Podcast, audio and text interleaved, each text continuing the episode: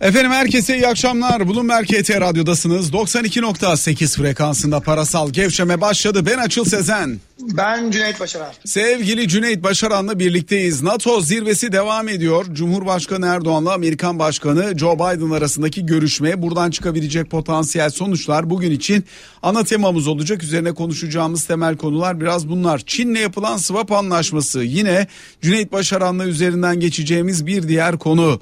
Cuma günü gelen sanayi üretimi verisi, bugün gelen BAFAŞ açıklamaları gibi birçok özellikle Marmara Denizi'ndeki müsilaj nedeniyle tartışmada yaşanıyor. Dolayısıyla bütün bunları mümkün olduğunca değerlendirip yorumlamaya çalışacağız. Fakat biz Cüneyt'le sohbetimize başlamadan evvel hemen giderim ALB Coin'i araştırma müdürü Helin Çelik bizleri bekliyor orada. Helin Elon Musk'ı bir yere alıp kapatıp bir süre herhangi bir mesaj vermesini engellesek kripto varlıklar üzerindeki etkisi ne olur sence? Kafasına göre yok mining çok elektrik tüketiyor istemiyoruz. Yok biz bitcoin alıyoruz. Yok ileride şöyle olursa tekrar alırız falan derken 40 binin üstüne geldi bugün gene bitcoin. Evet evet doğru söylüyorsunuz. Muhtemelen dediğiniz gibi bir yere kapatırsak piyasa kendi seyrini çok daha rahat olacak.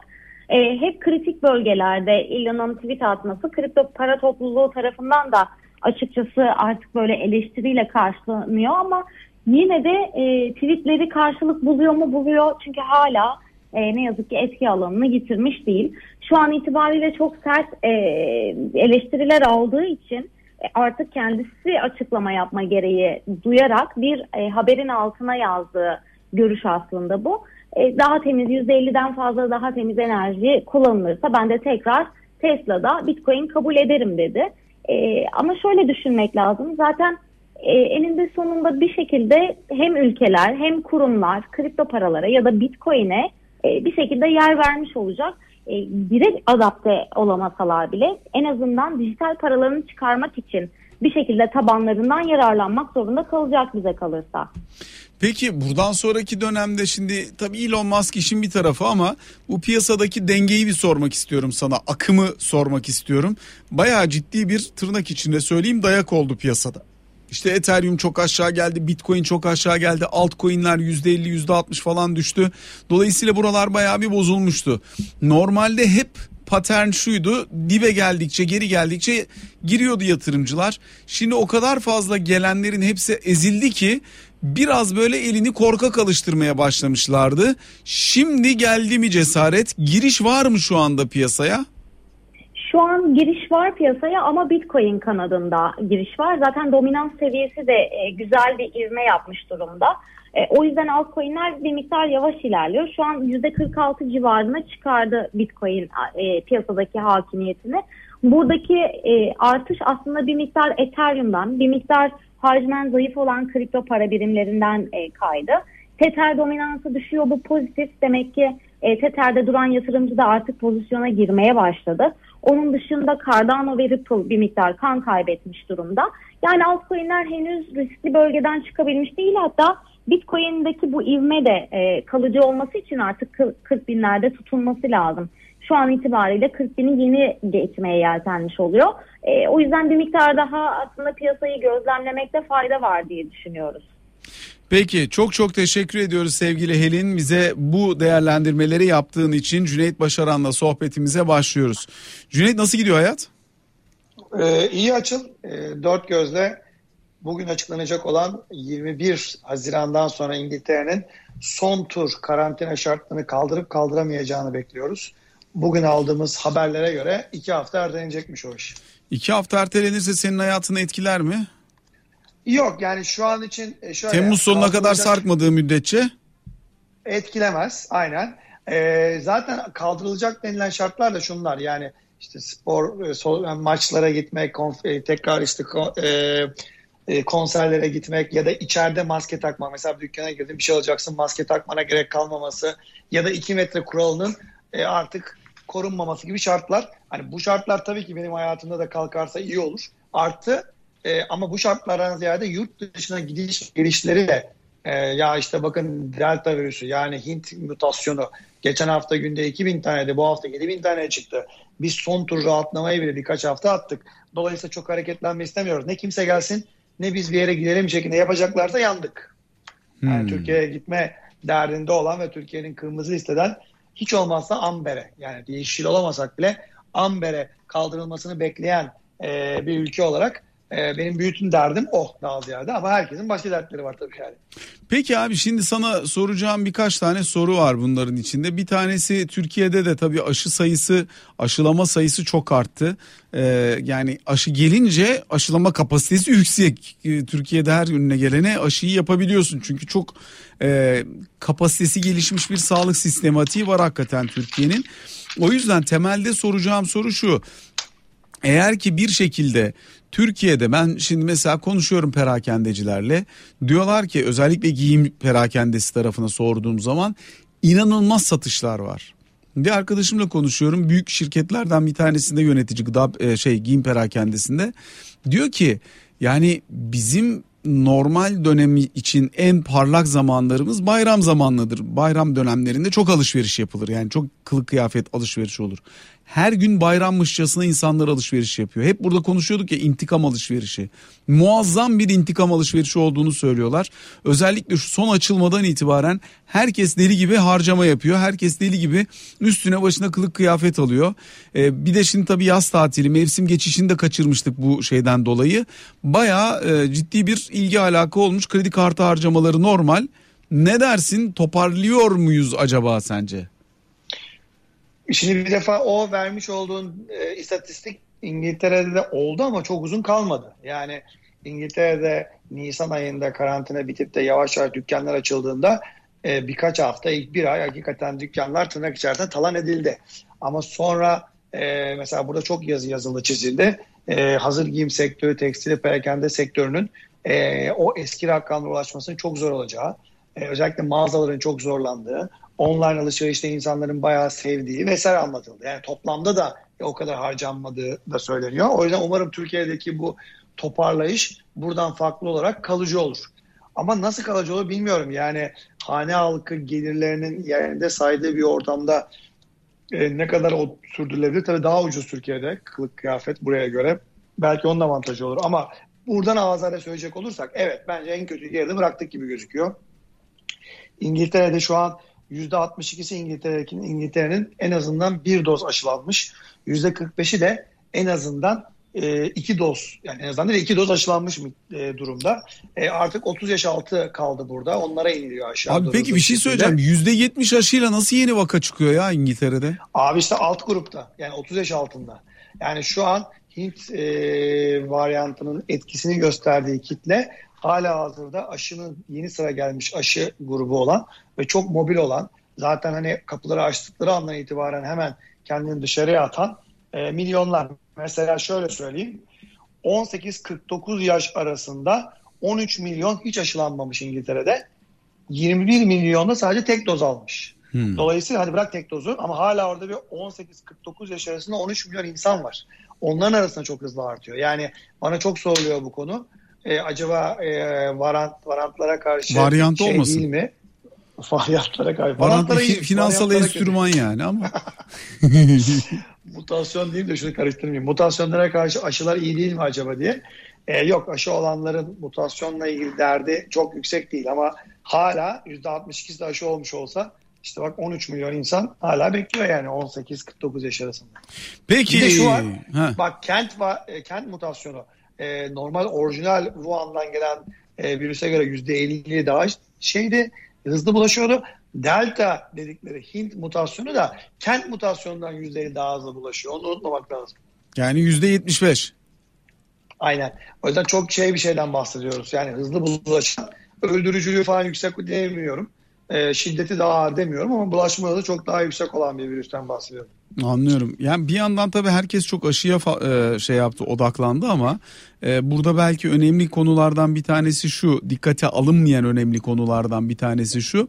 Özellikle ne döktün Cüneyt? Dökmedim de dökülüyordu neredeyse. Son anda tuttum çay.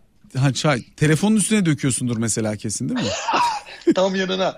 Çok yanına, sembolik değil mi? Benim yanına? Çay, telefon yanına dökülüyor. Yani İyi yanına dökmüşüm gene. Siz şimdi Cüneyt Başar'ın tanımadığınız için bilmiyorsunuz. Ee, yani ekrandan tanıyorsunuz elbette ama Cüneyt'in huyunu bilmiyorsunuz. Dünyada Cüneyt kadar fazla telefon düşüren, kıran, kaybeden kimse yoktur. Gerçekten Vallahi yoktur doğru. yani. Doğru.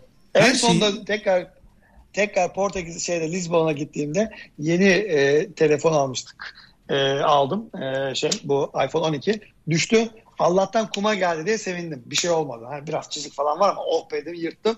Fakat bu sefer de yüz tanıma, face recognition kamerası ayrı bir kameraymış. O bozuldu bu sefer de. O çalışmıyor şimdi. Nasıl?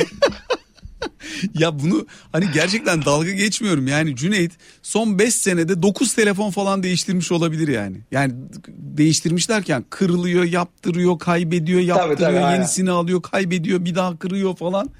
Şey gibi çocuk kırma, gibi ya. konu- kırma ve çatlatma konusunda çok başarılıymış. E, şey kılıf mılıf kullanmayı düşünüyor musun mesela? Abi onlar da olmuyor ya. Bir şekilde benim e, şöyle iki tane telefon taşımak zor. İki telefon, bir cüzdan, bir çanta. Benim gibi bir de e, düşürebilme potansiyeli yüksek olan insanın elinde onlar fırlıyor. Hani cüzdan fırlarsa iyi ama telefon fırlayınca çok kötü yani. Anlıyorum. Ya en son geçen sene iskelede denize atladıktan sonra neyi düşünmüştün? Cüneyt'le kaybolmuştu. Saat değil mi? Ay, ay, tabii Apple Watch'unu. Ya şimdi Bodrum'da iskeleden denize atlıyoruz. Biz Gökhan'la denizdeyiz. Cüneyt de atladı yanımıza geldi. Aradan bir 10 dakika falan geçti. Cüneyt'in küçük oğlan Alaz atladı. Ondan sonra işte biz orada yüzmeye devam ederken dibe dalıyor bir şeyler yapıyor falan. Çıktı 10 dakika sonra baba bu senin saatin değil mi diye. Denize düşürmüş saati düşürdüğünün farkında değil. Apple Watch'u çocuk buluyor getiriyor. Aynen gerçekten. Allah'tan ufak bizim ufak orada yüzüyormuş da futbol mu senin diye çıkıverdi. Gerçekten öyle şaka gibi. Hiperaktif Cüneyt Başaran diyorlar. Şimdi sevgili Ya Cüneyt var. işin biraz normal tarafına dönelim. Normal gündemi konuşalım. Erdoğan Biden görüşmesi saati biraz ötelendi. Saat 19'a kaldı görüşmenin başlangıcı. Dolayısıyla basın toplantısı muhtemelen yani iki lider ayrı ayrı basın toplantısı düzenleyecek ama e, bu müzakerelerin sonrasında saat 8.30 gibi falan 8 çeyrek 8.30 gibi bitme ihtimali var. Dolayısıyla basın toplantıları 8.30'dan sonraya kalır diye ta- e, tahmin ediyoruz bakıp görmek lazım ama bir saat kadar bir erteleme var. Beyaz Saray'ın kendi programı kabaca bir buçuk saat civarında sürmesini bekliyorlar e, bu görüşmenin bu zirvenin. Şimdi piyasa açısından ne ifade eder diye sana sorayım. Yani şimdi piyasa açısından tabii artık e, biliyoruz ki konu ekonomi olmaktan büyük oranda çıktı. Yani Türkiye'nin bu sene 5,5 mu büyüyeceği, 7,5 mu büyüyeceği, Türkiye'de enflasyonun yıl sonunda 13 mü bitireceği, 15 mi bitireceği misal. E, cari açığı %4 mü kalır, %3 mü kalır? Bunların e, piyasa açısından hani Borsa İstanbul'un gideceği bir %30, %40 varsa ya da ne bileyim kurun e, tekrar 7'lere falan gelmesini ümit edenler varsa bu demin söylemiş olduğum makroekonomik gelişmeler çok belirli, belirleyici olmayacak. Artık bunu hepimiz biliyoruz. E, ne belirli olacak? Belirleyici olacak. Bir iç siyaset belirleyici olacak. Hani erken seçim, işte seçim öncesi oluşabilecek olan yeni e, ittifaklar vesaireler. Bir de dış politika belirleyici olacak. Zaten uzun süreden beri dış politika Türkiye belirliyor. O dış politikada da biz Biden'la, yeni Amerikan başkanıyla e, Türkiye'yi acaba birilerinin iddia ettiği gibi de bazılarının korktuğu gibi e, Türkiye'nin hakikaten çok çekeceği var tırnak içerisinde. Biden zaten çok ciddi taahhütler de verdi. Dolayısıyla Trump döneminden farklı olarak Türkiye raflardaki bütün dosyaların indirildiği ve çok zor terleyeceği bir dönem başlıyor mu? İşte Halkbank davasına tut da zaten o sözde Ermeni soykırımı ile ilgili başlayan süreç vesaire bu bir yere gidecek daha da genişleyecek diyenler var. Bir de ee, yani tabii ki başkanın kafasında Türkiye'ye karşı antipatik bir duruş olabilir. Yani belki yönetim olabilir, ülke nezdinde olabilir. Ama konu o değil. Konu e, kuşak yol projesi karşıtlığı, Çin'e karşı Batı'yı bir arada toplama modeli ve yeniden güçlerimizi birleştiriyoruz. Rusya'ya ve Çin'e karşı e, hepimiz aynı sayfada buluşuyoruz diyen ve bunun mimarlığını yapan e, Biden'ın e, Türkiye'ye olan ihtiyacı tırnak içerisinde Türkiye'nin de yeniden bu Biden'la çalışma arzusu. Şimdi bence onu test edeceğiz. Ben birinci grupta değilim. Yani çok uzun süren bir birinci grupta değilim. İkinci gruptayım ama ikinci grupta iki tarafın Biden'ın ve Erdoğan'ın elinde aynı kozlar var. Bu kozlar masaya yatırıldığında karşı tarafını ne kadar ikna edecek? Ne kadar anlaşamamakta anlaştık. Bence en önemli kelime bu olacak. Anlaşamamakta anlaştık. Önümüze bakıyoruz cümlesini duyacağız. Ona bakmak lazım yani. Şimdi e, sevgili Albert Crespin yazmış. E, Ha, ne Cüneyt, sen biraz önce e, işte şeye Hint varyantına varant dedin ya. Ben seni düzelttim. O da diyor ki Cüneyt varanta da ilk zamanlarında varyant derdi diyor.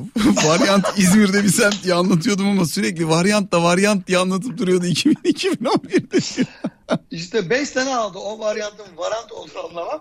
Bakalım bu mutasyon hayatımızda ne kadar kalacak bunun ismini öğrenene kadar. Şimdi sende varant varyantı var abi. Onu nasıl düzelteceğiz onu bilmiyorum. Valla bu varantlar ve varyantlar bende şey yapıyor, sıkıntı yapıyor. İkisi de hayatımdan uzak dursun arkadaşlar. Atasözleri de biraz öyle değil mi?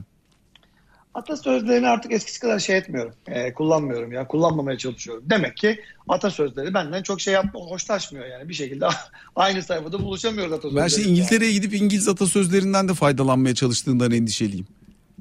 Ee, yok. Orada o, o şeye o topa girmedim. Cesaretlemedim o topa çıkmaya. Çok yukarıdan geçiyor top. Peki, o topta bildiğim peki, birkaç bu, tane peki bu, bu- burada niye ediyorsun? Aynı yükseklikteki top. Birinde Ee, çıkıyorsun işte kafa orada- topuna birinde çıkmıyorsun. Burada daha güç, güçsüz hissediyorum orada kendimi. O topa, o topa kafayı vururum diye düşünüyorum. Bir de vuruyorum canım bir kısmına o kadar değil. Bazı atasözleri biraz çetrefilli. Bazı sıkıntılar var yani. Mesela. Mesela. Mesela hala söyleyemediğim değil mi? Evet. Neydi?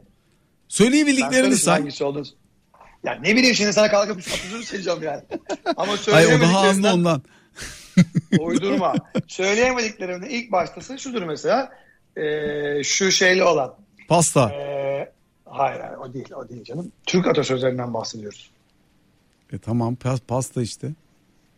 Hem karnım karnım dursun hem kekim dursun. Ama karnım Bir dursun defa bu öyle dursun değil işte bunu kastediyorum. Hem karnın dursun hem kekin dursun isterse Hem dünya dursun doysun, öyle bir şey değil o. dursun. Hayır ya. Hem karnım Ee, doysun hem pastam dursun. Pasta olur mu ya? Ne pastası? Pasta. diye Türk hangi Türk atasözü pastayla kurulmuş olabilir? İtalya mı burası? Şeyde mi? Yani İtal Türkiye'nin hangi bölgesinde pastayla ilgili yapılmış bu iş? Bir şey söyleyeceğim. İtalyanca'da pasta makarna demek abi. E tam Türkçe'de pasta nasıl kullanılmış olabilir yani? Hem abi Türkçesi bu bu şeyin. Hem Olmaz, pastam duysun hem hem pastam dursun hem karnım doysun. Ben katılmıyorum buna. TDK'ya bak. TDK'ya bakayım. Bunun için. Aynen. Sen bak istersen. Gel de senle iddiaya girmek Kek mi yani? çok- Hem kekim dursun mu yani? Kek mi demiş? Sence kek mi demişlerdir yani? Hani şey pasta Üzümlü dememişlerdir. ya. Hani pasta dememişlerdir, Fransız değillerdir de kek mi demişlerdir? Ya bence zaten bu, bu, bu Türk atasözü mü yoksa çeviri mi? Bir fikrim yok Cüneyt ya. Senden bu yana Ha. benim de nevrim döndü. Şey, dengem şaştı. Bence bu zaten İngilizden çeviri bir atasözü. Peki öbürü hangisi? Sen orada- onu söyle. Orada cake, cake dendiği için burada da Evet. cake diye çevirmiş. İşte cake'in Türkçesi kek değil ya. Pasta ya o. Allah Allah. Ya pasta. Çeviri ise de pasta yani. yani ama şey çeviri böyle daha educated bir çeviri yani. Daha böyle. Educated Pasta. derken yani pastayı kek yapınca mı eğitim almış oluyor? Eğitimi, hani Biri ilkokul bir pasta deyince ilkokul mezunu da öbürü olunca doktor öğrencisi mi?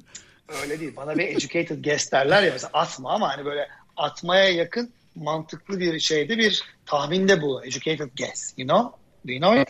Gibi. Ee, anladım. Sen şu söyleyemediğini söyle. Bunu, bunu söyleyebildiğini iddia İşte ettiğine söyle. göre.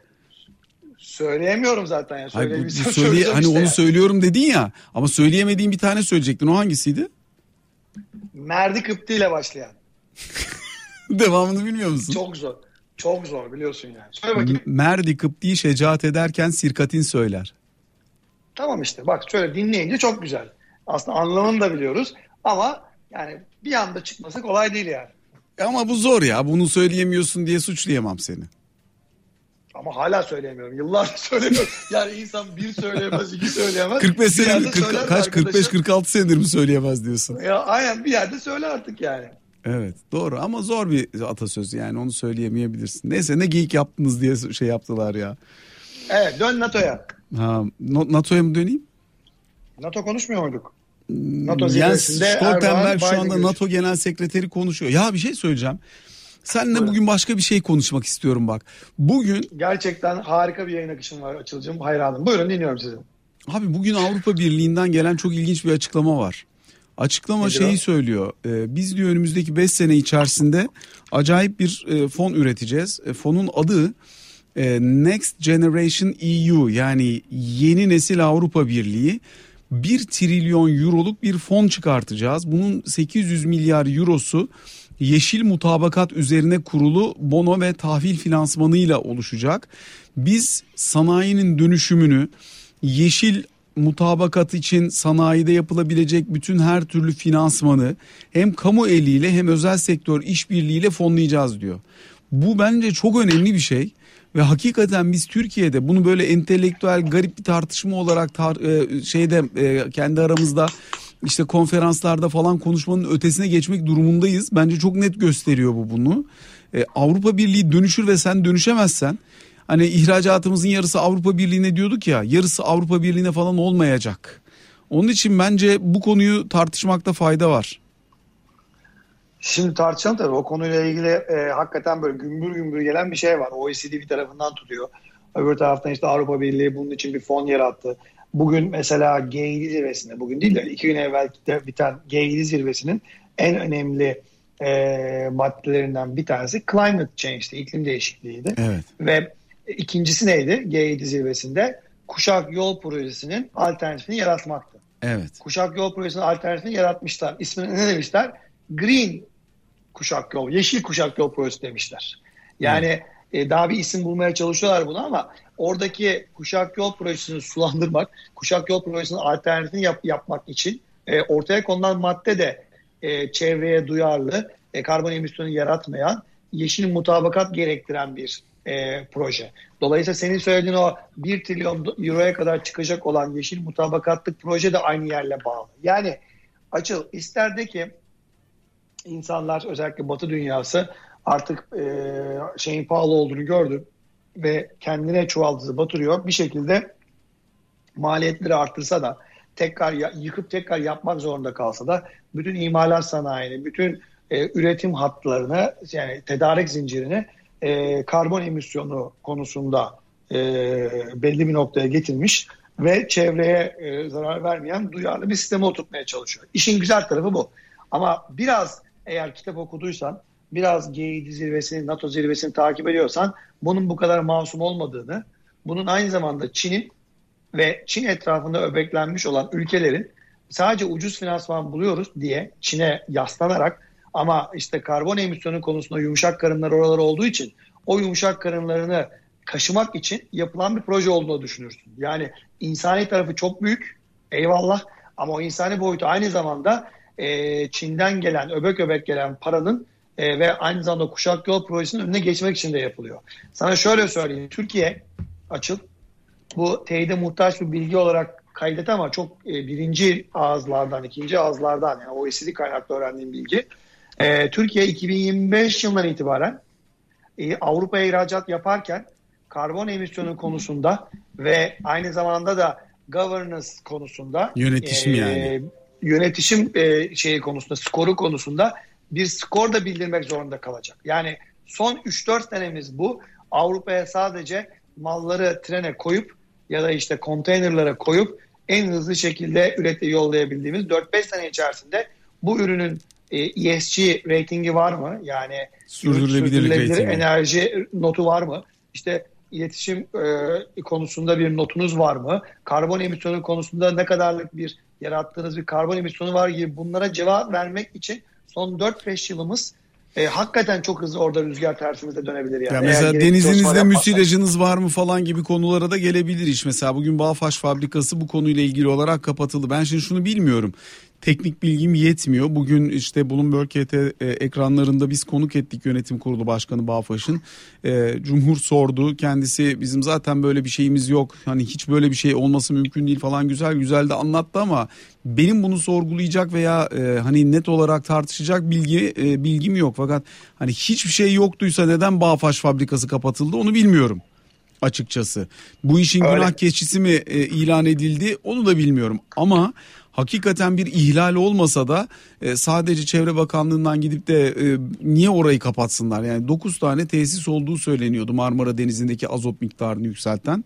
Bunlardan bir tanesi olabilir. Yani bu bir pisliğin denize boşaltılması değil aslına bakarsan. Yani öyle ya bir çevre konu, kirliliği değil müsilaj. Konu sadece o da değil. Mesela şimdi suyun ısınması değil mi? E, mesela Gemlik Körfezi'nin etrafında da var. Diyelim ki her yerde var abi artık. Kurmuş. Erdek kapandı ya.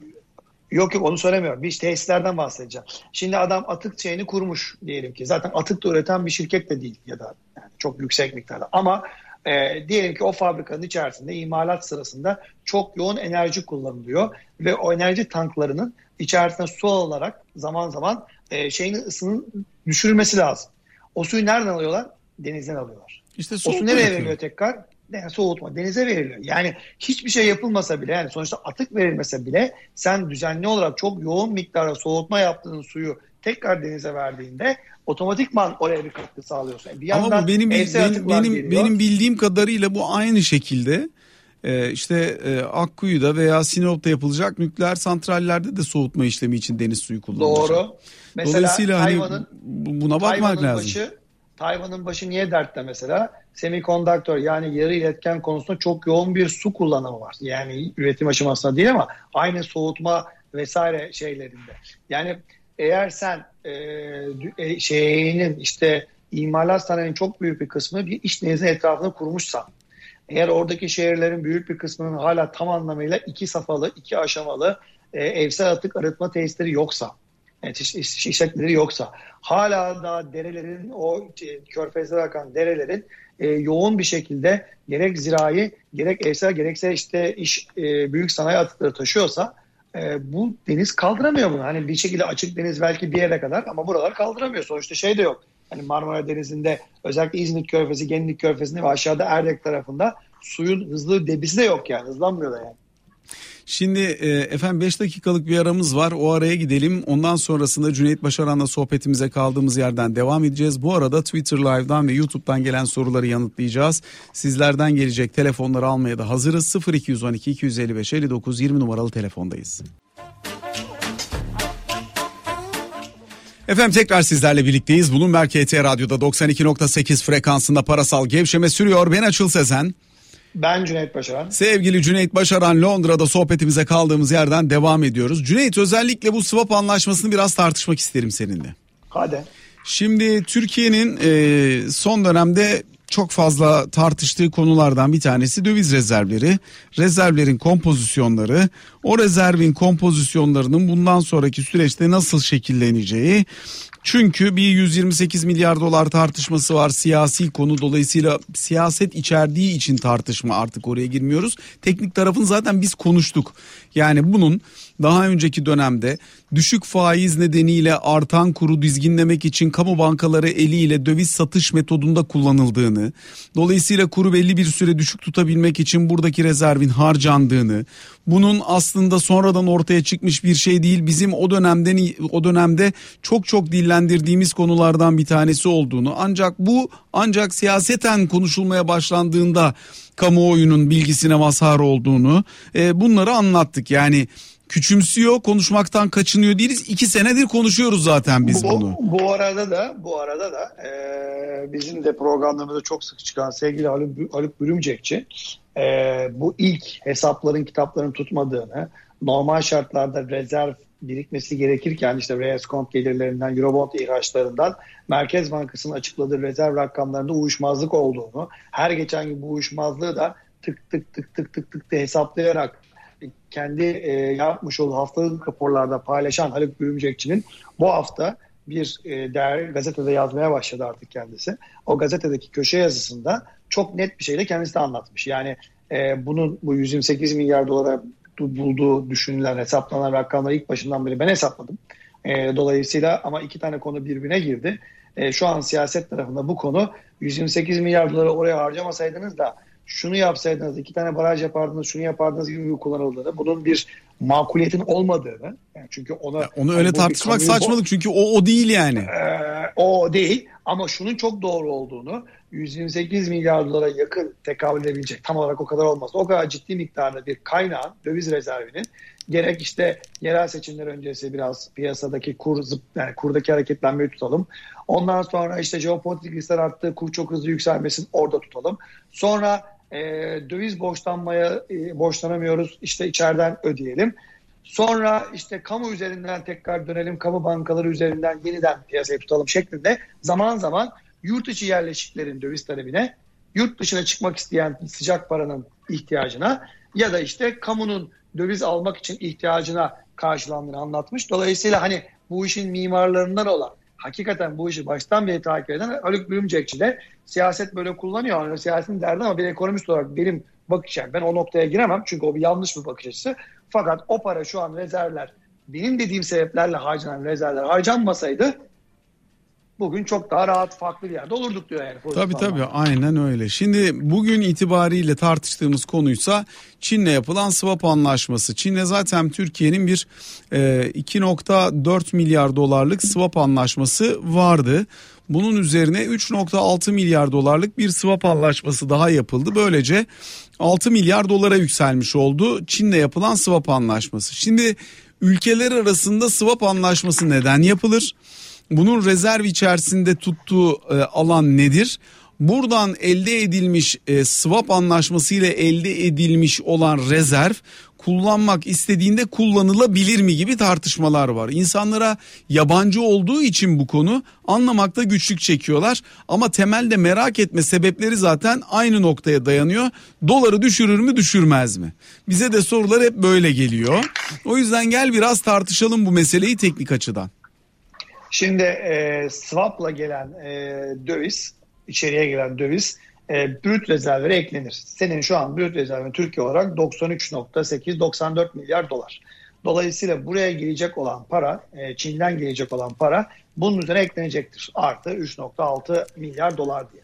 Fakat gelecek olan para milyar dolar değil. Yani dolar değil para. Gelecek olan para yuan. Yani o 93.8 milyar doların üzerine işte x miktarlı milyar yuan gelecek ve toplanacak ve toplanınca denilecek ki artık bizim toplam rezervlerimiz bir kısmı yuandan oluşan, bir kısmı dolardan, bir kısmı eurodan, bir kısmı işte İngiliz sterlinden neyse Altın. bir kısmı altından oluşan yekünümüz 96 milyar dolar olacak mesela.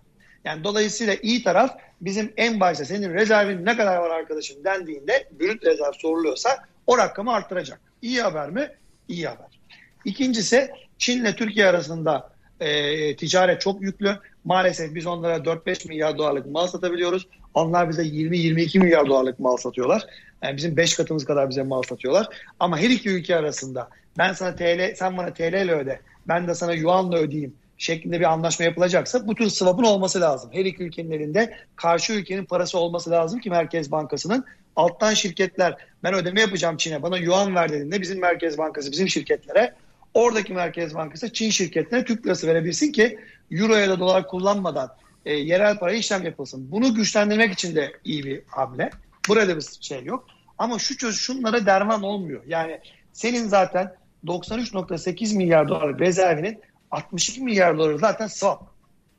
Yani dolayısıyla sana emanet edilen yani sana şu an için verilen tarihi bittiğinde de geri vermen gereken para. Dolayısıyla onun üzerine tekrar bir para geliyor. Yani bu Merkez Bankası'nın net piyasadan alabildiği net rezervi değil. E, net rezervler çünkü 14.7 milyar dolar. Yani net rezervin içerisinde swap var ama yani mülkiyeti Merkez Bankası'na ait olan bir para değil. Bu anlamda ekstra bir kurun üzerinde ha Merkez Bankası'nın böyle bir parası varmış diyebilecek bir unsur yaratmaz. Üstelik öyle bile yaratsa yuan cinsinden geliyor para. Yani sıkışsan piyasaya gidip yuanla mücadele edecek halin yok müdahale edip. Bir dakika telefonu kaldırıyor. Çevirip edebilirsin falan da o iş öyle yürümüyor yani. Yani o, o doğru, yani ha, gene doğru. başka maliyetler çıkar vesaire. Ya burada yani, burada şu avantajın artık yok bunu görmek lazım. Döviz hareketleriyle dövizdeki fiyat hareketleriyle dönemsel döviz sıkışıklıklarıyla mücadele edebilmek için elinde iki silah var. Bir tanesi kendi paranın fiyatını yani faizi yukarıya çekerek hareket etmek. İkincisi elinde bir rezervin varsa o likiditeyi piyasaya sağlayarak fiyatların yükselmesini engelleyebilmek. Biz doğrudan piyasaya salabileceğimiz likidite yoluyla acaba kuru hareket etmekten biraz alıkoyabilir miyiz diyebileceğimiz veya ani sermaye akışı kesintileri olduğunda bu kesintiler halinde biraz piyasaya döviz likiditesi verelim insanlar bir rahatlasın diyebileceğimiz yükümlülükler yerine getirilebilsin demek için kullanabileceğimiz rezervimiz ne kadar diye bakarsak 14.7 milyar dolar. Yani burada swap anlaşmalarını işin içerisine katmak doğru ama Merkez Bankası iki yerle swap anlaşması yapıyor. Bir diğer ülkelerle yapıyor, iki bankalarla yapıyor. Bankalarla yaptığı swap anlaşması artı diğer ülkelerle yaptığı swap anlaşmaları toplamında 62 milyar dolarlık bir anlaşması var. Bunlar teknik olarak rezervin içinde görünüyor. Ancak aslında normal koşullar altında bunun tamamını kullanmak istediğinde o şekliyle net bir kullanım imkanı yok. Fakat diğer taraftan Merkez Bankası'nın bir net rezervi var. İki bankaların sende tuttukları zorunlu karşılıklar var. Bunları da işin içerisine kattığında bir brüt rezerv rakamına ulaşıyorsun. Yani senin Merkez Bankası olarak kendi paran aynı zamanda yani mülkiyetinde olan kendi paran aynı zamanda bankalarla aynı zamanda diğer ülkelerle yaptığın anlaşmalar swap anlaşmaları ve bankaların sende geçici olarak tuttukları zorunlu karşılık olarak tuttukları döviz miktarı bunların hepsine baktığın zaman nerede diye 93.8 milyar dolar durum bu aslına bakacak evet. olursak. Hem şimdi o döviz rezervlerinin genellikle ne kadar yetip yetmeyeceği konusunda işte kısa vadeli borçlara bakılır ya da kaç aylık ithalatını karşılıyor onlara bakılır. Yani genel olarak teknik olarak elma elma olsun diye işte bir ülkenin 90 milyar doları var. Öbür ülkenin benim 300 milyar dolarım var. Diğerinin işte 200 milyar doları var. Aa 300 olan çok iyiymiş diyemeyeceğin için bunları aynı sayfaya koyabilmen için döviz rezervini koyarsın. Altına da e, pay payda diyorum. Paydaya da kısa vadeli borçlarını koyarsın mesela. İşte bir yıldan daha kısa vadeli borçlarını koyarsın. Ya da işte atıyorum toplam ithalatını koyarsın. Türkiye'de kısa vadeli borçlarını koyduğunda döviz rezervlerin e, %50'sini karşılıyor bunu. Yani kısa vadeli borçların %50'sini karşılıyorsun. Tamam bu rakam iyi mi hoş mu diye baktığında bunun senin gibi diğer gelişmekte olan ülkelerde bırak %50'sini %150'lere %2 yani bir buçuk iki katına kadar rezervin olduğunu görüyorsun. Ya da ithalatı karşılama oranında rezervlerinin e, başka ülkelere göre daha az ihtiyacatı karşılayacağını görüyorsun. Yani bu demek değil ki senden yarın herkes bir anda parasını isteyecek. Bu demek değil ki bir yıldan kısa vadeli borçlar bu sene bir anda duracak herkes ver paramı diyecek. Öyle bir şey değil ama teorik olarak Çin şey e, Güney Kore'yi e, işte Güney Afrika'yı, Brezilya'yı, Çin'i, Rusya'yı, Türkiye'yi, Brezilya'yı aynı şekilde koyup karşılaştırmak istiyorsan burada teknik şeyler belli e, e, makro veriler belli. Türkiye hangi makro veriyi koyursa, koyarsan koy, hangi formülü koyarsan koy, rezervler konusunda yetersiz rezervle çıkıyor. Yetersiz rezervin büyük oranda olmasının sebebi de bir, bir buçuk yıldan beri gerek içerideki işte likit yani döviz e, fırlamasın diye, gerek seçimler öncesinde ön almak için, gerek kamu bank e, kamunun ihtiyacını karşılamak için, gerek yurt dışından finansman bulmakta zorlanıldığı için harcanan rezervlerden kaynaklanıyor. Şimdi onu yerine koymaya çalışıyoruz. Mesela döviz rezervlerimizde geçtiğimiz yılın yılın sonundan itibaren ciddi bir düşüş yok. Hani arada sırada iniyor çıkıyor ama o ondan önceki bir buçuk yıl kadar bir bir buçuk yıl kadar devam eden bir düşüş yok. Demek ki bir şey değiştirmişiz yani. Bir yoğurt yeme tarzını değiştirmişiz yani. Onu söyleyebilirim. Ha yoğurt yeme tarzı değişti ama yoğurt kalmadı o ayrı bir konu yani. Peki 5 dakika mı aramız? 4 4 dakikalık bir aramız daha var onu verelim. Sonrasında Cüneyt Başaran'la tartışmamıza devam edeceğiz. Ee, aynı zamanda yine Twitter'dan ve YouTube'dan gelen sorular var onları da yanıtlamaya çalışacağız. Efendim tekrar sizlerle birlikteyiz. Bloomberg KT Radyo'da parasal gevşemenin sonuna yaklaştık. Bir iki dakika sonra sevgili Cüneyt Başaran e, bizlerden ayrılacak bir toplantıya girecek. Biliyorsunuz orada tabii saat farkı var. İki saat değil mi şu anda Cüneyt Fark? 2 saat şu an saat 5'e 5 var. 5'e 5 var. Ya bu saatte ne toplantısı Cüneyt ya? Abi bu Zoom'lar, Teams'ler falan var ya hakikaten bitirdi bizi ya. Öyle böyle değil. Artık tamam uzaktan çalış, uzaktan da çalışmıyoruz. Hem ofise geliyoruz artık hem e, nasıl olsa Zoom meeting adı altında 5'te mesela. Hani hem de şey olur gün de bitmiş olur 5'te yapalım daha iyi konuşuruz falan şeklinde. Ya arkadaş eve gideceğiz falan olmuyor. Mesela adam karşı taraf eğer evdeyse evden çalışıyorsa e, çoğunluk karşı taraftakiler. Sen ofise gelmişsin gitmişsin fark etmiyor. Beşe toplantı geliveriyor yani. Peki bankacılar dönüyor mu? Çok ciddi resistans var e, bankacılar tarafında. E, mesela Bloomberg'dan sana örnek vereyim. Bizim Bloomberg International tarafına örnek vereyim. Bloomberg International şu an yeni recruitment yani yeni e, personel alma konusunda çok zorlanıyormuş. Çünkü personelin en en çok sorduğu soru evden çalışma şartlarınız ne? Ne kadar flexible diye soruluyormuş. Ve Bloomberg International'da bu konuda biraz tırnak içerisinde daha geleneksel bir şirket. Yani bir Facebook, bir Google gibi değil. Mümkün olduğunca insanların ofise gelmesini istiyor. Çok zorlanıyormuş. Artı şu an yapılan anketlerde Bloomberg'deki anketlerde de %20 e, maaşımdan pazarlık etmeye razıyım. Kesinlikle gelmek istemiyorum. %30 da e, şey diyormuş haftada bir günden az olmamak şartla evden çalışmayacaksak bir iki yıl içerisinde düşünebilirim başka şeyleri düşünebiliyor diyor, diyormuş. Zaten bütün teknoloji şirketleri Facebook, Google vesaire toptan ötelediler. Bir tek bankalar zorluyor şartlarını JP Morgan başta olmak üzere. Fakat orada da e, yani bence yeni normalde minimum %25-30 evden çalışacak gibi gözüküyor. Sen mesela evden mi çalışmayı tercih edersin ofisten mi? Ben hibrit isterim. Yani haftanın 5 gün artık ofiste çalışmak istemem. 2-3 ee, gün evden işte 2-3 gün neyse ofisten e, çalışabileceğim hibrit bir model isterim. Çünkü her ikisinin de kendine göre şeyleri var. Ben e, Bana tipik bir tembel şey gibi geliyorsun şu anda ya. Yani pek çalışmak istemiyormuşsun ya. da beni salın ben istediğim zaman evden takılayım istediğim zaman ofise geleyim diyormuşsun gibi geliyor bana. Açıl öyle değil ya. Mesela şeyler, tüpler yani metrolar hala dolmadı. Yani insanlar sokaklarda ama metro e, ve otobüslerdeki yoğunluk pandemi öncesindeki yüzde 35 yüzde 40'lara anca geldi. E, insanlar kullanmak istemiyorlar. Şimdi tekrar 7 bin kişiye çıkmış mesela e, işte bu mutasyon hikayesi. Yani herkesin odası yok. Herkesin açık ofisler tahmin edileceği gibi Türkiye'deki gibi ve insanlar bu riski almak istemiyor. Bir de çoğu insan bu bir yılda düzenli kurdu. Mesela Londra dışına taşındı. Daha büyük eve geçti. O büyük evde işte bilgisayarını kurdu, setup'ını kurdu ve rahatlıkla o işi götürüyor. Tekrar bir, bir buçuk saat gidip gelmek istemiyor yani. E, bu tabii haklı bir gerekçe ama bir gün salgının biteceğini öngörmemişler mi? Evlerin taşıyıp Londra'nın dışına giderken. Ee, şöyle yani bazı işverenler de ben şimdi sana her işveren de aynı karar değil. Bazı işverenler de bunun çok iyi bir model olduğunu gördü. Hemen head ofislerini küçülttü. City'den bir sürü boşalan bina var mesela. Bizim bu kadar büyük ofise ihtiyacımız yok deyip operasyon maliyetlerini düşürdü ve insanların haftada bir gün o da farklı şey departmanlara göre seçerek ofise gelmesini kabul ederek çok daha düşük maliyetlere geçti mesela. Ama bir şey diyeceğim. Sen de Michael Bloomberg'in yerinde olsan buraya geleceksiniz kardeşim demez misin? Neredeyse milyar dolar harcayıp bina yaptı.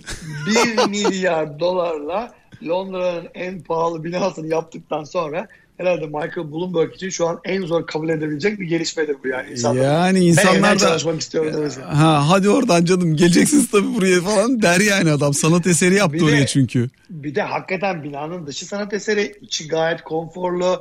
İşte yediğin önünde içtiğin arkanda falan öyle de bir bina yani bir de.